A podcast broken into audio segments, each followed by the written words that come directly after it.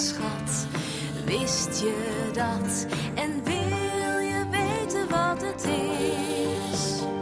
Kom dan gauw, hij is ook voor jou. En zomaar zonder te betalen is hier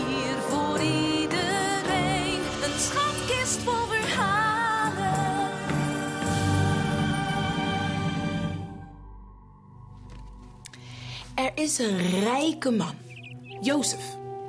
Hij kan zijn zoontje alles geven, maar geen opa. Pap, vraagt zijn zoontje, waarom heb ik geen opa?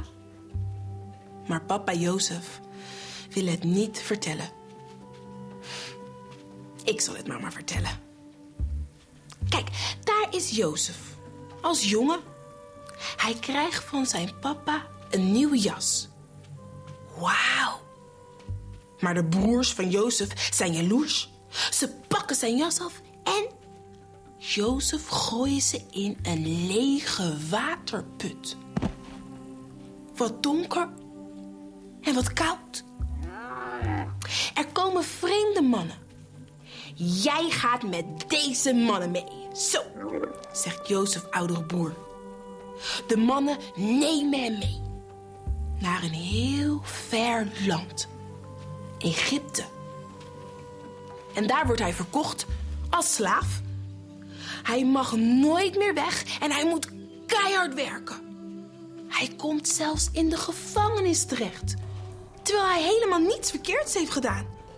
En daar is het nog donkerder en nog kouder. Maar God heeft een plan. Op een dag moet Jozef bij de koning komen.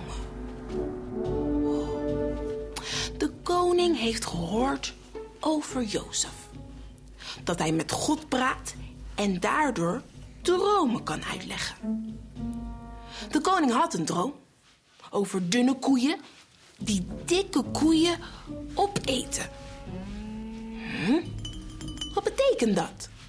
Um, majesteit, zegt Jozef, God bedoelt dat er nu heel veel eten is.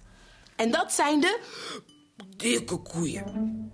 Maar straks, als het eten op is, dat zijn de dunne koeien. Uw droom gaat over hongersnood. Maar als u eten bewaart, als het goed gaat, heeft u genoeg over als het straks slecht gaat. Wow! Hmm, de koning vindt Jozef super slim. Hij hoeft niet terug naar de gevangenis. Nee, Jozef wordt de baas van het eten. Jaren later is overal het eten op. Maar in Egypte is er genoeg.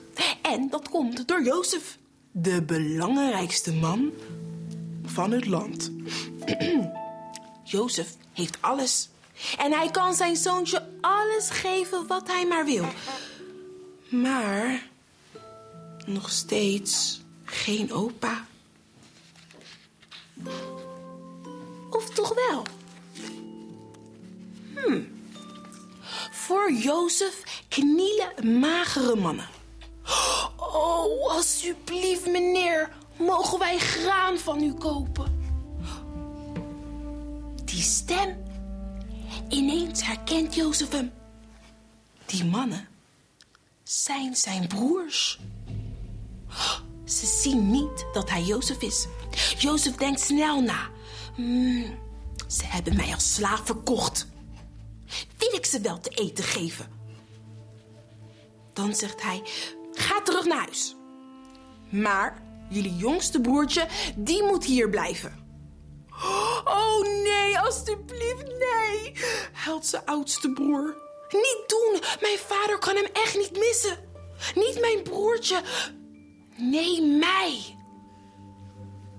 Wow, wat zijn zijn broers veranderd? Ze komen nu voor hun broertje op. God, denkt Jozef. Het was uw plan dat ik naar Egypte moest, hè? Want nu kan ik mijn hele familie van de honger redden. Hm. Als ik dat wil. Ja, dat wil ik.